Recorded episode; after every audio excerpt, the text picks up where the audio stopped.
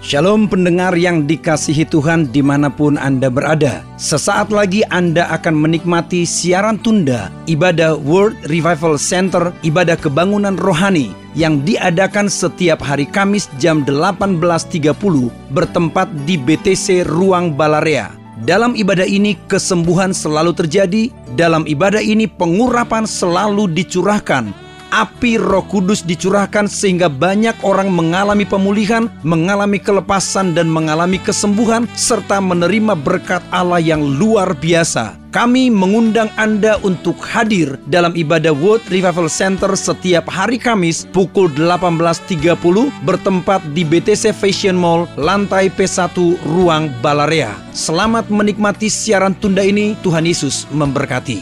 Shalom. Prosper people say, I grow, I go, I glorify. Gimana kabar saudara semua? Amin. Sehat, kuat, makmur, panjang umur, awet muda, diberkati Tuhan. Katakan amin. Silakan duduk saudara. Amin. Galatia 1 ayat 6 dan 7. Saya membuka dari ayat ini dulu, saudara. Aku heran bahwa kamu begitu lekas berbalik daripada dia yang oleh kasih karunia Kristus telah memanggil kamu dan mengikuti suatu Injil lain. Ayat 7 yang sebenarnya bukan Injil, hanya ada orang yang mengacaukan kamu dan yang bermaksud untuk memutar balikan sama-sama baca Injil Kristus. Saudara, ini yang terjadi di gereja mula-mula yaitu bahwa ada orang-orang yang memberitakan Injil yang lain, yang tentunya bukan Injil. Halo? Nah, saudara jemaat Galatia terkecoh. Maka Paulus berkata, "Aku heran kenapa kamu yang sudah dipanggil dengan kasih karunia kepada hidup kekal oleh Yesus Kristus, tapi kemudian berbalik untuk percaya kepada Injil yang lain. Yang jelas bukan Injil. Kalau ini pernah terjadi bahkan di di di gereja di mana bapak-bapak founders gereja berada. Betul? Ini para rasul masih hidup. Masih ada Petrus, masih ada saudaraku rasul-rasul yang lain. Tetapi gereja Tuhan saat itu mulai kacau karena ada pengajaran Injil yang lain. Yang tentunya bukan Injil. Kalau itu pernah terjadi bahkan di mana pendiri-pendiri gereja saat itu, bapak-bapak gereja, Paulus, Petrus masih hidup. Terlebih di gereja akhir zaman ini. Maka Bapak Ibu, ini juga yang terjadi hari-hari ini seperti Paulus katakan pada Timotius. Bahwa di hari-hari akhir akan ada orang-orang lebih senang untuk ngumpulin pengkhotbah-pengkhotbah yang menyenangkan telinganya. Yang tentunya bukan Injil Yesus Kristus tapi Injil yang lain. Injil yang lain di sini bisa Injil motivasi, bisa Injil pengetahuan. Saudaraku, kepercayaan yang benar menghasilkan kehidupan yang benar. Betul? Kepercayaan yang benar menghasilkan kehidupan yang benar. Maka kepercayaan yang salah akan menghasilkan kehidupan yang salah. Maka saudaraku, perwujudan dari kebenaran pernyataan ini adalah tidak mungkin seseorang mengalami kehidupan yang benar tanpa dimulai dari kepercayaan yang benar. Betul? Tidak mungkin seorang bisa menghadap, menikmati kehidupan yang saleh. Yang sudah Tuhan sediakan. Kehidupan yang benar. Seperti dalam surat Petrus. tanpa dimulai dari kepercayaan yang benar. Betul? Sebalik kemudian ketika kepercayaan saudara salah, maka cara berpikir kita salah. Tindakan kita salah. Dan akibat selanjutnya ialah seluruh wilayah dan bidang kehidupan kita juga mengalami salah. Maka saudaraku akan ada kerusakan yang fatal akibat dari kepercayaan yang salah. Kenapa banyak orang kepercayaannya salah? Halo? Kepercayaan yang salah menghasilkan kehidupan yang salah. Kepercayaan yang benar menghasilkan kehidupan yang benar. Kenapa? Banyak orang Kristen mempunyai kepercayaan kok bisa punya kepercayaan yang salah? Karena mereka menerima asupan pengajaran yang salah. Kenapa tegang begini?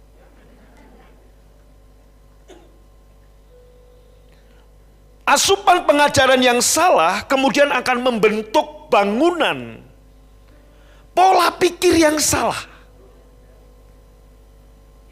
Yang selanjutnya akan mempengaruhi cara bertindak dan cara mengambil keputusan.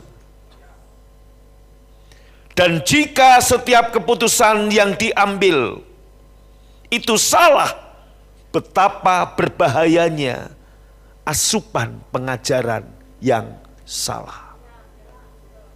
Halo?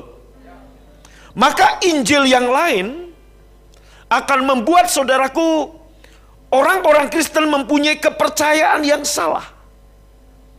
Kepercayaan yang salah akan menghasilkan kehidupan, keputusan yang salah.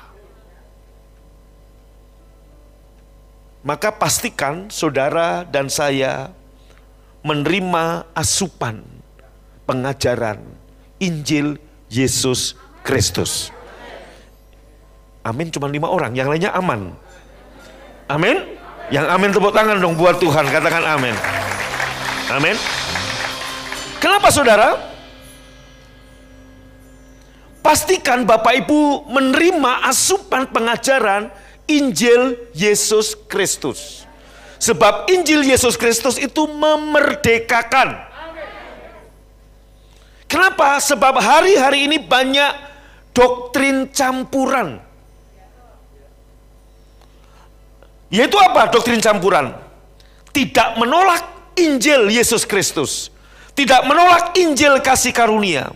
Tapi juga tetap memelihara hukum Taurat. Saudara dengan cara seperti ini iblis berusaha untuk merampok kasih karunia yang seharusnya saudara dan saya miliki. Yaitu dengan cara menetralkan pengajaran Injil Yesus Kristus dengan hukum Taurat.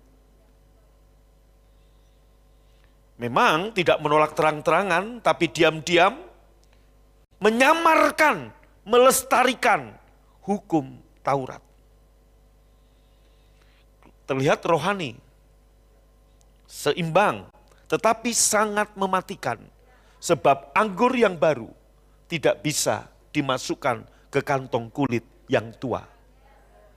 Maka anggur yang baru kalau dimasukkan ke kantong kulit yang tua, kantong kulit itu akan robek dan anggur itu bocor. Kasih karunia Injil Yesus Kristus adalah anggur yang baru dan tidak bisa dimasukkan di kantong kulit hukum Taurat. Amin. Saudaraku, hari ini kita lihat banyak orang nggak bisa menikmati kasih karunia yang berlimpah dari Yesus Kristus karena pengajaran campuran ini. Mix kayaknya rohani, tapi mematikan. Doktrin campuran ini sedang beredar secara apa itu yang Prabowo bilang? Masif, sistematis, terstruktur, apalagi Pak Steven. Struktur, terstruktur, masif, sistematis. Itu bahasa itu saya ingat di zaman pilpres saudara. Betul? Halo? Doktrin campuran Anda lihat hari ini. Anda bisa temui di GO, gereja online. Di media-media sosial, buku-buku rohani, pengkhotbah-pengkhotbah Kristen. Secara masif mengajar doktrin campuran. Doktrin campuran beredar secara terstruktur, sistematis, dan masif di banyak gereja masa kini. Memang terlihat rohani, kudus, dan benar. Tapi faktanya tidak membuat orang menjadi rohani, menjadi kudus, dan menjadi benar. Sebab hukum Taurat memang sempurna. Kita yang nggak sempurna. Hukum Taurat kudus. Hukum Taurat hanya bisa menunjukkan betapa kudisnya saudara. Hukum Taurat hanya bisa menunjukkan betapa najisnya kita, tapi tanpa bisa mengubahnya. Saudaraku, ya, tuker handphone. Saudaraku, dengan handphone. Adil apa tidak? Adil. Tuker handphone dengan masker. Adil apa tidak? Adil apa tidak? Itu aja nggak adil. Cross, salib, kasih karunia bicara pertukaran yang sangat tidak adil. Ada yang harusnya mati di sana. Enggak adil sekali. Maka saudaraku benar-benar kasih karunia. Ini yang Tuhan Yesus marah. Kasih karunia dicampur dengan perbuatan. Enggak, saudaraku. Loh, Perbuatan saudara nggak bisa menyelamatkan Anda.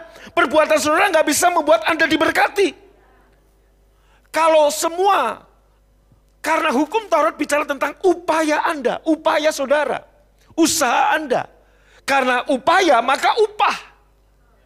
Kalau upah makanya Anda hamba upahan. Tapi karena kasih karunia, Anda anak, nggak ngapa-ngapain dikasih. Itulah kasih karunia. Tepuk tangan buat Tuhan. Katakan amin. Amin.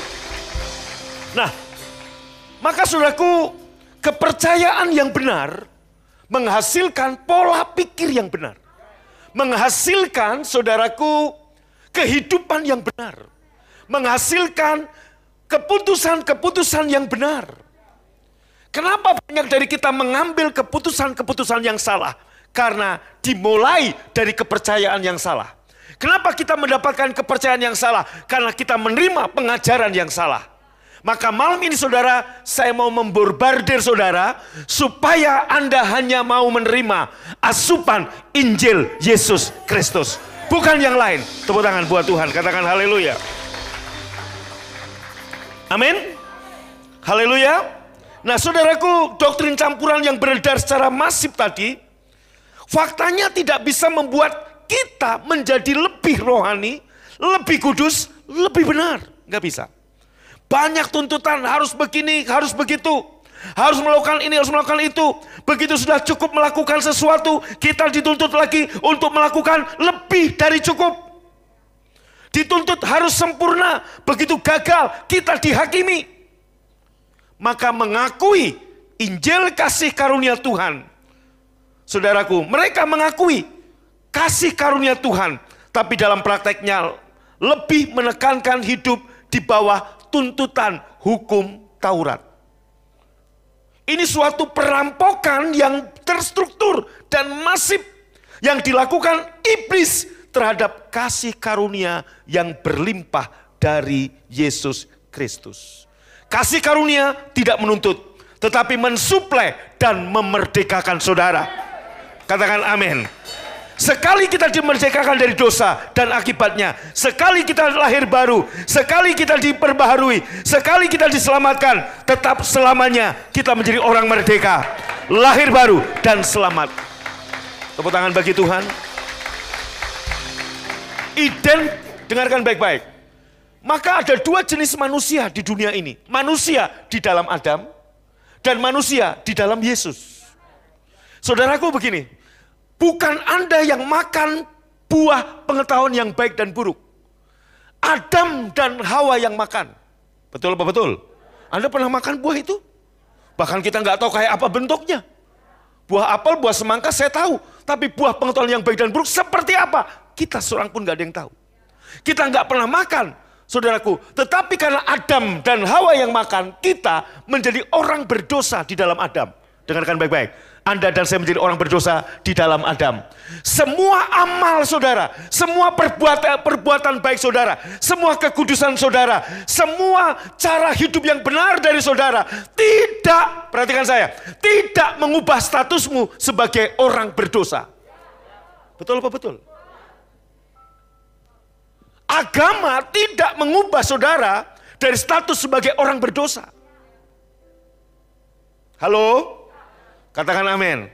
Nangkap ya? Karena Adam berbuat dosa, Anda dan saya menjadi orang berdosa di dalam Adam. Maka semua upaya kita, kekudusan saya, perbuatan baik saya, amal saya, nggak ngubah status saya sebagai orang berdosa. Hal yang sama, begitu kita lahir baru, begitu kita menerima Yesus, begitu kita percaya dia adalah Tuhan, Begitu kita dilahirkan kembali, kita menjadi ciptaan baru. Dalam pengiringan kita ikut Tuhan. Saya tahu nggak ada yang sempurna. Kita pernah gagal, kita pernah jatuh, kita pernah salah, kita pernah berbuat salah. Tetapi itu nggak mengubah statusmu sebagai anak. Kok nggak amin, nggak tepuk tangan ya? Amin saudara. Nggak ngubah statusmu sebagai orang benar. Anda dibenarkan bukan karena perilaku benar Anda tapi kebenaran itu diberikan kepada Anda. Maka dengarkan baik-baik. Saudaraku, firman Tuhan berkata tujuh kali orang benar jatuh, tujuh kali juga Tuhan membangkitkannya. Saudaraku, orang boleh menghakimi Anda, tapi Tuhan tetap mengasihi Anda. Dan status Anda sebagai orang benar tidak pernah berubah. Karena Yesus yang menebus saudara. Yang mengerti tepuk tangan paling meriah bagi Allah kita. Katakan haleluya. Amin. Haleluya. Kurang mantap aminnya, haleluya. Yes. Maka saudara, fondasi pengajaran Injil Yesus Kristus. Yang pertama fokusnya pekerjaan Yesus sudah selesai. Ini fokusnya. Pekerjaan Yesus yang sudah selesai. Next saudara. Apa yang kita butuhkan untuk hidup saleh, untuk hidup benar. Seperti yang dalam surat Petrus sudah disediakan melalui kematian dan kebangkitan Kristus. Bukan akan, tapi sudah. Anda sudah diselamatkan, Anda sudah diberi masa depan yang cerah, Anda sudah dibaharui, Anda sudah diberi kesehatan, Anda sudah diberi berkat-berkat yang Anda perlukan di hidup di dunia ini. Katakan amin, haleluya. Maka saudara, sebenarnya saya punya bahan tentang kekhawatiran hari ini. Kenapa orang khawatir? Kenapa orang takut? Maka kita sering mendengar quote, kita mendapatkan quote di medsos-medsos. 365 kali kata jangan takut muncul di Alkitab. Quote itu berkata, maka setiap hari ada satu kata jangan takut supaya orang nggak takut. Saya mau beritahu, saudaraku bukan 365 kali, nggak nyampe saudara. Nggak tahu siapa yang bikin quote itu, ikut-ikutan saja. Nggak sampai 200 kali, hanya 124 kali kata jangan khawatir, jangan takut. Itu 124 kali, nggak sampai 365. Kalaupun nggak nyampe, nggak usah masalah. Sekali aja Tuhan ngomong jangan takut, saya tetap percaya, saya nggak akan takut saudaraku. Amin. Haleluya. Yes.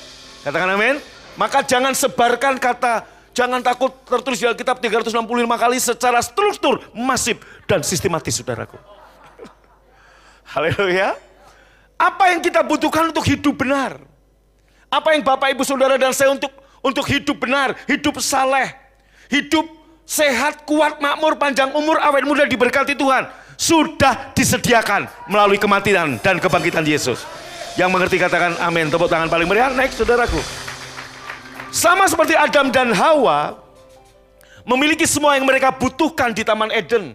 Demikian pula Yesus Kristus menyediakan segala sesuatu buat kita.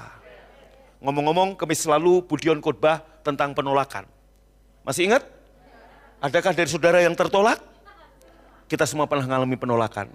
Hari ini aja saya juga mengalami penolakan, saudaraku. Dua kali, saudara ya. Tapi nggak apa-apa, tetap sukacita. Haleluya. Tepuk tangan paling meriah ya. Amin. Respon kita adalah membuka mata kita dan membuka tangan kita untuk menerima segala kekayaan dari warisan Kristus bagi kita. Seperti Adam buka mata, semua udah ada. Kebutuhan primer, kebutuhan sekunder, kebutuhan tersier. Demikian juga saudaraku, semua udah disediakan bagimu. Maka cari kerajaan Tuhan dan kebenarannya. Dan kebenarannya. Dan kebenarannya. Katakan. Saudara banyak jemaat, saudaraku terkecoh kebenaran diri sendiri yang dicari. Bukan kebenaran Anda, kebenaran Tuhan yang Anda cari. Amin. Kamis depan saya mau khotbahkan kebenaran Tuhan yang harus kita cari. Nah, respon kita adalah buka mata, buka tangan untuk menerima segala kekayaan dari warisan Kristus buat kita. Lebih-lebih Natal tahun 2021 temanya adalah saya diangkat jadi anak. Anda bukan hamba, anda bukan hamba, hamba untuk dapat untuk dapat upah dia harus bekerja, tapi anak nggak perlu kerja, Anda dapat warisan karena saudara dan saya adalah anak Allah. Amin. Anak tinggal ngambil, Betul? Tanya sama Harvest, apakah dia perlu nanya ke saya? Buka kulkas, Pak, ada sei babi, bolehkah Harvest ngambil? Tinggal potong aja. Kurang ambil babi. Amin. Haleluya. Amin. Dia tinggal ngambil, namanya anak. Betul apa betul? Tapi kalau saudara datang ke rumah saya, saudara nggak bisa sembarang begitu. Karena Anda bukan anak. Nah sama, karena Anda anak, Bapak sudah menyediakan. Katakan amin. Termasuk bagi Anda anak-anak muda, jodoh sudah disediakan. Jodoh sudah disediakan. Yang amin bu amin. Yang masih lajang-lajang ini amin. Jodoh sudah disediakan. Aminnya kurang mantap. Semuanya oke katakan amin. Amin. Amin. Kalau belum, belum kairos Tuhan. Pak, tahun ini tinggal sekian hari lagi kok belum juga ada tahun depan. Kalau tahun depan belum pak, lah kalau kamu udah mikir begitu ya akan belum. Imani tahun depan sudah dapat. Tentukan 2022, katakan amin. Tepuk tangan dulu deh buat Tuhan, haleluya, oke. Terus saudara, salib memisahkan old dan new covenant. Saudaraku, maka Perjanjian yang baru bukan dimulai dari Natal, tapi dari Paskah. Seharusnya orang Kristen merayakan Paskah lebih hebat, lebih mantap, lebih masif dari Natal. Kenapa? Sebab saudaraku kemenangan kita bukan di Natal. Kemenangan kita di kematian dan kebangkitan Yesus alias Paskah. Saliblah yang memisahkan Old dan New Covenant. Amin. Maka Yesus itu lahir di zaman hukum Taurat. Pantas Yesus disunat di hari ke-8. Maka kalau ada bilang, Pak kenapa orang Kristen kok sekarang ada yang nggak disunat nggak apa-apa. Yesus kan disunat harusnya ngikutin Yesus dong. No. Karena Yesus ada lahir di hukum Taurat. Yesus juga nggak makan babi. Kenapa ente makan babi? Halo? Amin? Kurang mantap aminnya. Nah, kenapa kita boleh makan babi? Karena Yesus sudah mati. Waktu Yesus belum mati, kita nggak boleh makan babi. Lihat orang makan babi boleh. Oke, terus saudara. Dalam Old Covenant, orang percaya menanti-nanti apa yang dijanjikan. Jadi doanya menanti. Jadi di sini saudaraku nunggu. Tapi dalam New Covenant, kita melihat ke belakang apa yang sudah Yesus lakukan buat kita. Ini Bapak Ibu dengar baik-baik. Saya ngomong begini, jadi nanti kalau Anda dengar khotbah siapa pun, Anda akan ngerti. Kalau dia khotbahnya seperti menanti-nanti, Tuhan pasti akan memberkati. Bukan, sudah diberkati. Itu Injil Yesus Kristus itu ini. Injil campuran, saudaraku, ini yang bahaya. Kayaknya rohani, tapi bahaya. Next, saudara. Orang percaya di perjanjian lama melakukan kegiatan keagamaan untuk apa? Menerima berkat, menerima perkenanan, menerima pengampunan Tuhan. Next, tapi orang percaya di perjanjian baru, kita ibadah seperti ini, kita berdoa, kita memuji Tuhan, kita memberi persembahan. Kenapa? Karena berkat-berkat Tuhan sudah disediakan bagi saudara. Maka ibadah kita disebut ibadah apa? Raya. Bukan ibadah kedukaan, ibadah perayaan. Maka tiap minggu kita merayakan. Rayakan, Yesus rayakan. Tetetetetetet. Musik dong, aduh.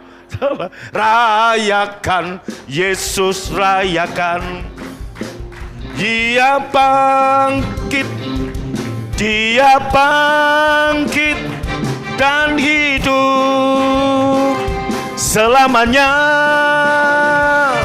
Yesus bangkit, Yesus bangkit dan hidup selamanya rayakan. Oh, udah. Nanti tugasnya WL kalau saya nanti WL WL nggak ada kerjaan. Kita saling berbagi tugas dong Pak. Bu amin. Amin. Haleluya. Yes next saudara.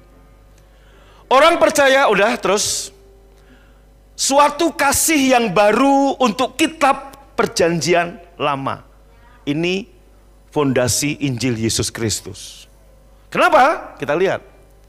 Bukan kita yang harus mengasihi Tuhan, tapi Tuhan yang telah mengasihi kita terlebih dulu. Terus saudara. Yesus berkata bahwa nubuatan-nubuatan mengenai dia di kitab perjanjian lama akan digenapi. Terus Yesus membuka pikiran murid-muridnya untuk mengerti kebenaran ini. Terus banyak hal di dalam kitab perjanjian lama hanyalah lambang dan berbicara tentang Yesus maka pendalaman kitab perjanjian lama menjadi suatu perburuan harta karun yang sangat menarik untuk kita lebih mengenal Yesus Kristus. Katakan amin. Haleluya. Next, saudara, ya. Suatu kesadaran terhadap kuasa dosa yang sesungguhnya. Banyak orang bilang, oh Injil kasih karunia, Injil Yesus Kristus, berarti nganggap enteng dosa. Enggak. Kalau gitu bebas berbuat dosa? Enggak. Itu pikiran orang yang mau bikin dosa aja. Sama aja gini saudaraku, kalau saya selalu curigaan sama Anda, sama wakil saya, memang sayanya orangnya juga begitu. Amsal berkata, orang yang membuat perhitungan pada dirinya sendiri seperti itulah dia. Saya ngangkat Pak Irwan jadi wakil gembala di Jakarta. Saya nggak takut dia akan kudeta saya. Kenapa saya tulus hati saya positif. Tapi kalau banyak pendeta nggak berani ngangkat orang karena takut dikudeta. Kenapa takut dikudeta? Karena dia juga pikirannya pikiran kudeta. Itu. Betul nggak? Betul? Kalau saya tulus sama Anda, karena saya nggak punya pikiran negatif sama Anda. Betul apa betul? Saya udah kasih contoh suami yang curigaan sama istri atau istri curigaan sama suami. Kamu jangan-jangan gini, kamu jangan gini. Sebenarnya dianya aja itu. Coba tanya suamimu, tanya istrimu, bener nggak? Pasti gitu aja. Pura-pura nggak ngaku, ya udah. Terus Injil Yesus Kristus tidak menganggap remeh dosa. Terus Injil kasih karunia memahami bahwa kuasa dosa sangat besar dan kuat sehingga tidak ada usaha manusia yang sanggup mengalahkan dosa. Siapa yang bisa ngalahin dosa? Musa pun nggak bisa. Karena dosa itu kuat. Saudara, betul? Amin. Haleluya. Coba saudaraku, udah jelas-jelas tembok itu basah, ditulisi tembok baru dicat. Jangan dipegang, Anda malah pengen megang. Itu bicara hukum dosa. Hukum gravitasi itu begitu. Terus saudara, terus. Pengharapan manusia hanyalah kepada Kristus yang sudah mengambil dan merebus kita dari segala dosa. Next, saya udah ngulangi aja ya. Terus, terus, terus, terus. Terus, terus, terus. Kemenangan atas dosa. Siapa yang mau menang atas dosa? Lambaikan tangannya. Hanya saat saudara bersandar pada penebusan Kristus. Maka kita nggak bisa sombong. Ada orang, gue kebal dari dosa. Nggak ada yang kebal dosa. Haleluya. Katakan amin. Saudaraku kebal senjata tajam mungkin orang Banten ada. Kita pernah lihat di tukang-tukang obat kebal bacok. Tapi duit belum tentu kebal saudaraku. Ya tuh ya. Naik saudara. Kabar baiknya baca sama-sama. Dosa tidak dapat menahan kasih karunia Tuhan. Tapi kasih karunia Tuhan dapat menghentikan dosa.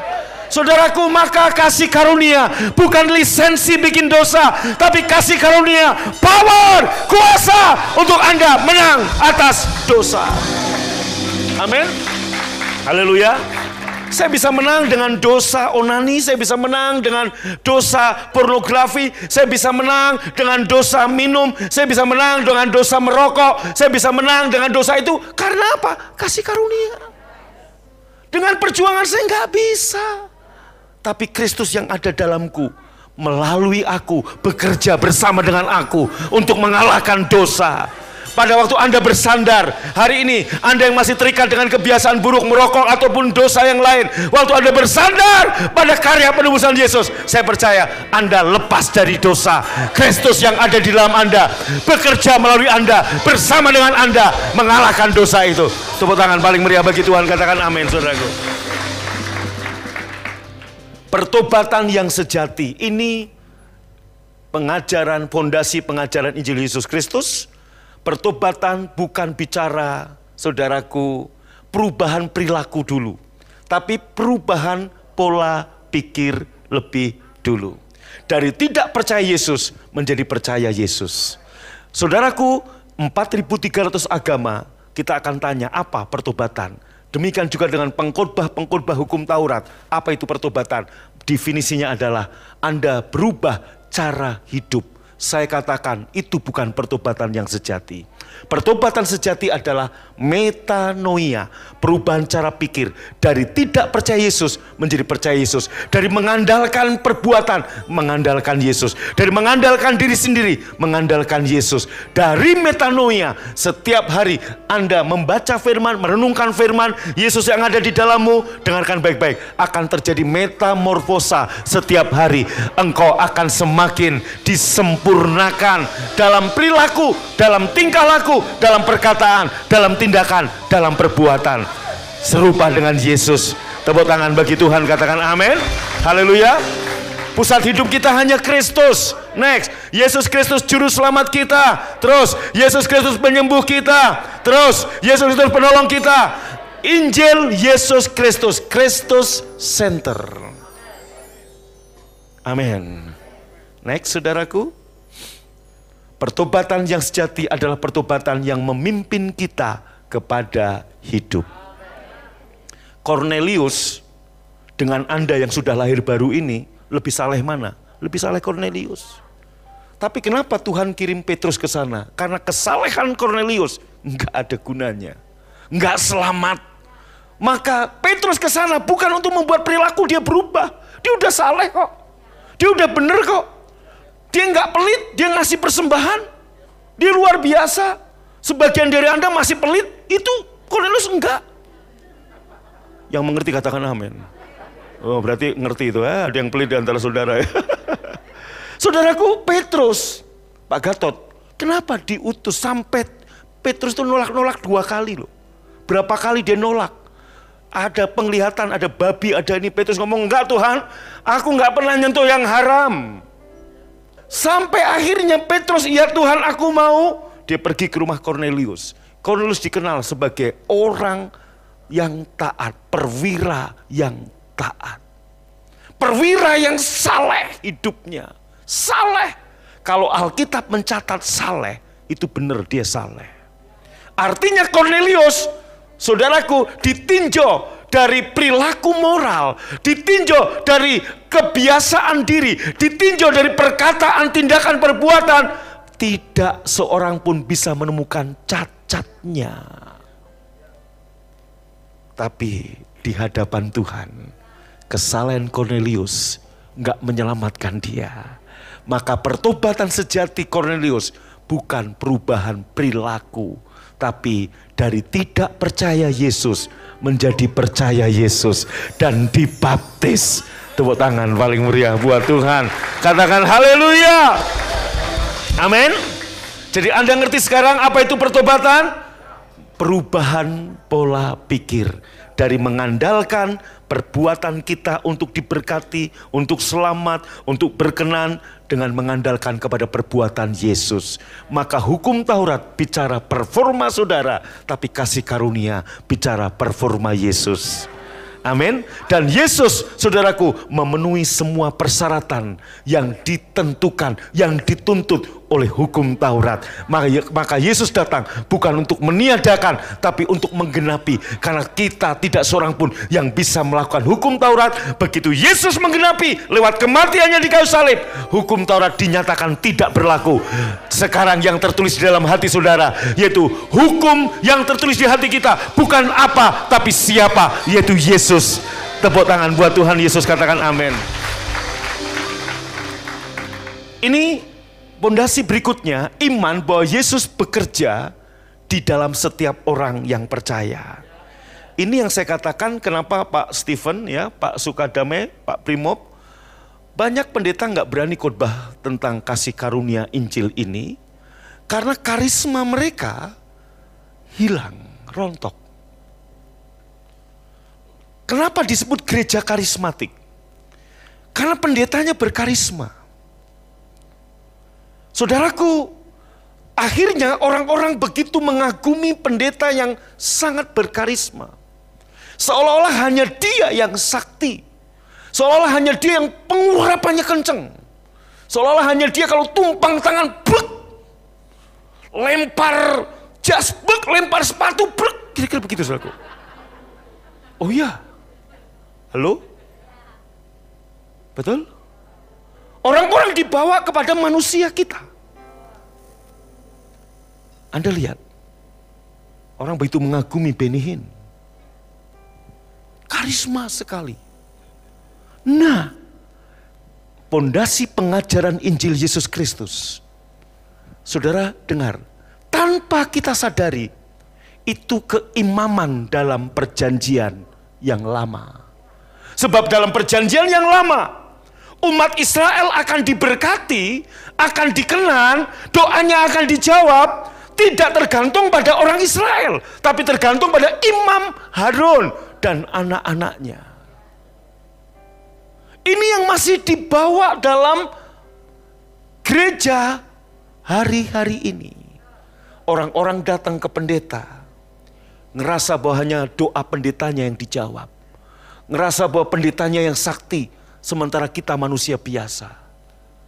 Pendetanya manusia setengah dewa. Haleluya. Enggak amin ya? Jangan amin kok malah amin. Haleluya. Nah, fondasi pengajaran Injil Yesus Kristus percaya bahwa Yesus bekerja di dalam setiap orang percaya. Amin maka Yesus yang ada di dalam diri Pak Irwan, Yesus yang ada dalam Pak Steven, Pak Gatot, Pak Wewe, Pak Miming, Yesus yang ada dalam diri Budame, Yesus yang ada di dalam hati saudara yang di belakang sana yang ngantuk-ngantuk, dengarkan baik-baik. Yesus yang sama juga ada di dalam Benihin, di dalam saya. Somebody shout haleluya. Amin. Katakan amin. Sekarang saudaraku, kalau gitu kita ngerti Pak kalau gitu kita nggak perlu kagum dong dengan hamba-hamba Tuhan begitu. Kagum biasa. Wajar sewajarnya. Kita teladani imannya. Kita teladani. Tapi jangan kekaguman yang berlebih. Seperti dia membuat dia setengah dewa. Dan hanya dia yang sakti. Terlebih-lebih hamba-hamba Tuhan. Dalam tanda kutip dengan karunia penglihatan dan nubuatan. Wih, itu kayak bukan setengah dewa lagi, tiga perempat dewa saudaraku. Orang datang, Pak, tolong Pak, Pak Pendeta, Pastor, melihat apa dalam diri saya sementara. Ada kelinci di atas kepalamu. ada begini, ada begini. Orang-orang seperti itu membawa umat kepada dirinya. Maka Anda lihat, gereja pernah mengalami masa kegelapan. Sampai Alkitab aja yang boleh membacanya hanya imam, hanya pastor, hanya pendeta, hanya romo yang boleh buka Alkitab. Jemaat nggak boleh. Itu pernah terjadi beberapa abad yang lalu. Lengkap saudara. Kenapa? Itu pembodohan. Perampokan iblis untuk kasih karunia yang Tuhan beri. Ingat, kita hidup bukan di keimaman perjanjian lama. Harun salah, sebenar-benar Anda tetap Anda nggak akan diberkati. Itu imam perjanjian lama. Anda salah, Anda brengsek, Harun benar, Harun berkenan, Anda diberkati. Tapi hari ini bukan begitu lagi. Imam besar agung kita sudah melintasi semua langit dan dia memenuhi semua kriteria. Namanya siapa? Yesus. Dan Yesus ada di mana? Di dalam hati saudara. Tepuk tangan dong buat Tuhan Yesus. Makanya Bapak Ibu, amin. Hari ini jangan terlalu kagum dengan hamba Tuhan. Termasuk ke saya, nggak usah terlalu kagum. Amin. Ya cukup saudaraku menghormati, oh gembala saya. Oh ya gembala saya ganteng, eh itu benar saudaraku. Saya nggak menyangkal, terima kasih untuk pengakuan saudara. Ada yang melecehkan, saya ampuni dosa saudara. Sekalipun saudara nggak minta maaf, saya maafkan gembala yang baik saudara. Amin. Tetapi jangan melebih-lebihkan. Nah, termasuk saudara, dulu saya juga begitu. Saya ngagumin saudaraku sampai saya kejar-kejar Benihin, saudara. Dia KKR di Kemayoran, dia ke Singapura, saya kejar. Untuk pengen saya supaya saya ditumpangi tangan, kemudian sakti itu. Kenapa? Karena pengajaran asupan yang saya terima salah. Berabad-abad kita dicekoki dengan begituan. Sekarang mau Benin ada di Bandung, ya sudah saudaraku, saya nggak perlu kejar-kejar dia. Kalau dia mau datang sini silahkan khotbah, nggak mau ya sudah. Amin. Gitu aja. Nah, Anda kalau gitu Pak berkat itu dari mana? Dari tempat yang tinggi ke yang bawah. Maka doa berkat buat Anda, saudaraku, seharusnya Anda terima yang pertama dari Bapak jasmanimu yang cinta Tuhan. Kalau bapak jasmanimu nggak cinta Tuhan, saudaraku ngapain? Yang kedua dari gembala saudara. Karena itu otoritas buat jemaat. Tuhan menghargai itu saudara. Amin. Amin. Pada waktu saya dengar, jadi nilai sini waktu saya memberkati harvest, saya memberkati Anda, itu di hadapan Tuhan bernilai dibanding Anda dapat tumpang tangan dari benihin apalagi dari Beni Solihin, apalagi dari Cunihin, nggak dapat apa-apa, saudara. Katakan amin. Masih mending Pak Anda datang ke orang tua Anda yang cinta Tuhan. Pah, berkati aku pah mau bisnis pah.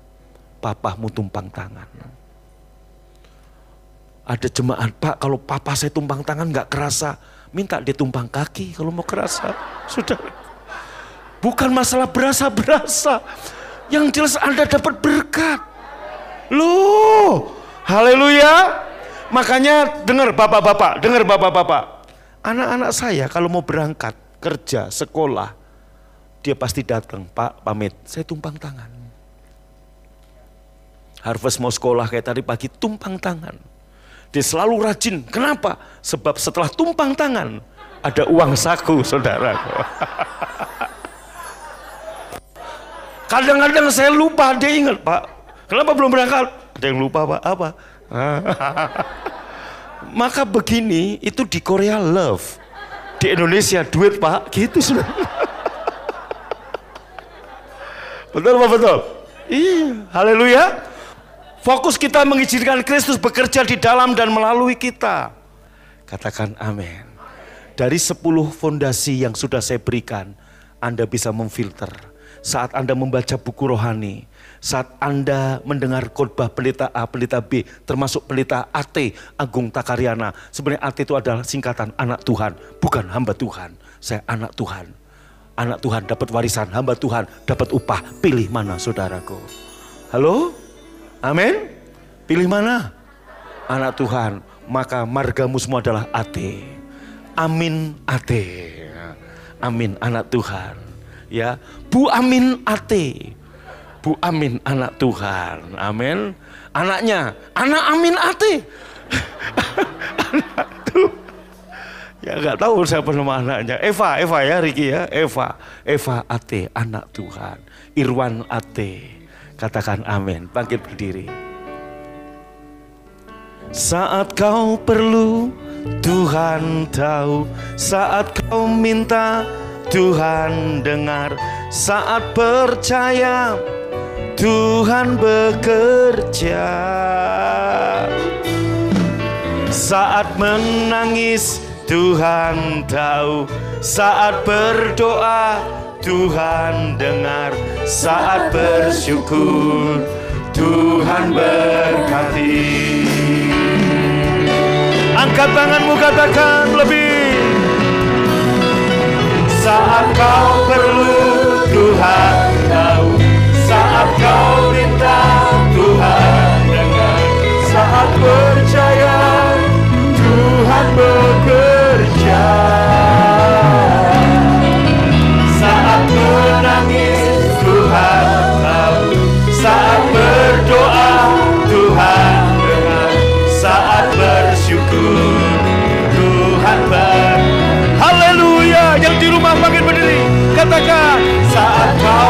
Kau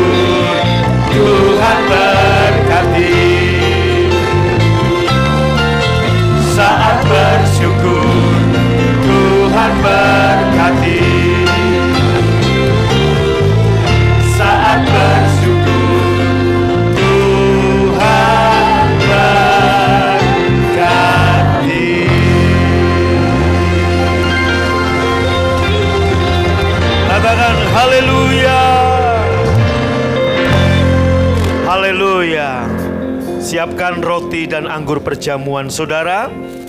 Di sinilah dimulainya perjanjian yang baru. Bukan saat Natal, tapi perjanjian yang baru.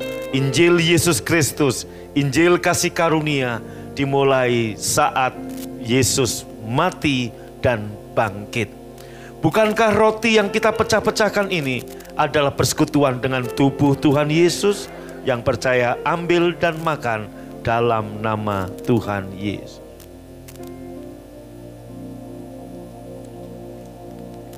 Di dalam perjamuan ada kesembuhan, ada pengampunan, ada pemulihan, ada berkat.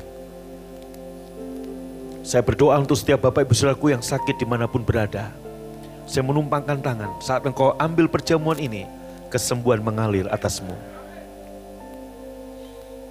Bahkan saat kita memberitakan kematian Tuhan, Tuhan juga membuat penghadangan bagi setiap musuh-musuh saudara. Orang-orang yang ditunggangi iblis. Nafsu jahat mereka yang ditunggangi iblis yang ingin menghancurkan pekerjaan, karir, bisnis, bahkan pelayanan gereja kita. Tuhan membuat penghadangan.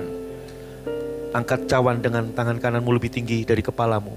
Yesus mengambil cawan, memberikan pada murid-muridnya dan berkata, inilah cawan perjanjian baru yang dimeteraikan oleh darahku. Ambillah, minumlah, menjadi peringatan akan aku. Yang percaya ini darah Tuhan Yesus, ambil dan minum dalam nama Yesus. Haleluya. Terima kasih Tuhan untuk malam ini.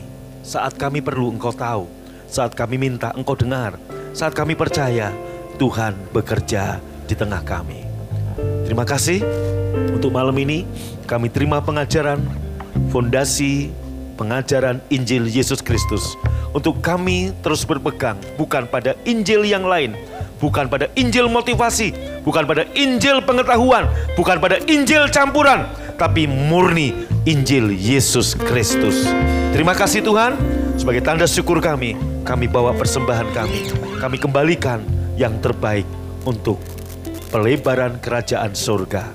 Dan sebelum kami pulang, kami terima berkat Tuhan. Buka hatimu, angkat tanganmu, terima dengan baik-baik, terima dengan iman. Pulanglah kekasih-kekasih Tuhan. Tuhan menghadapkan wajahnya kepadamu, menyinari engkau dengan wajahnya, serta memberimu kasih karunia, damai sejahtera. pulanglah dan terimalah berkat yang berlimpah-limpah dari Bapa di surga. Cinta kasih Tuhan Yesus, persekutuan yang manis di Roh Kudus menyertai memberkati engkau dari sekarang sampai selama-lamanya. Yang percaya diberkati berkata amin. Shalom. Anda baru saja mengikuti cuplikan siaran tunda ibadah World Revival Center yang terjadi di hari Kamis jauh lebih dahsyat dari apa yang Anda dengar. Oleh karena itu, kami mengundang Anda untuk hadir dalam ibadah World Revival Center setiap hari Kamis bertempat di BTC Fashion Mall, lantai P1 Ruang Balarea pukul 18.30. Dan bagi Anda yang rindu didoakan, SMS kami di 0818218737. Untuk informasi hubungi 612 6088. Tuhan Yesus memberkati.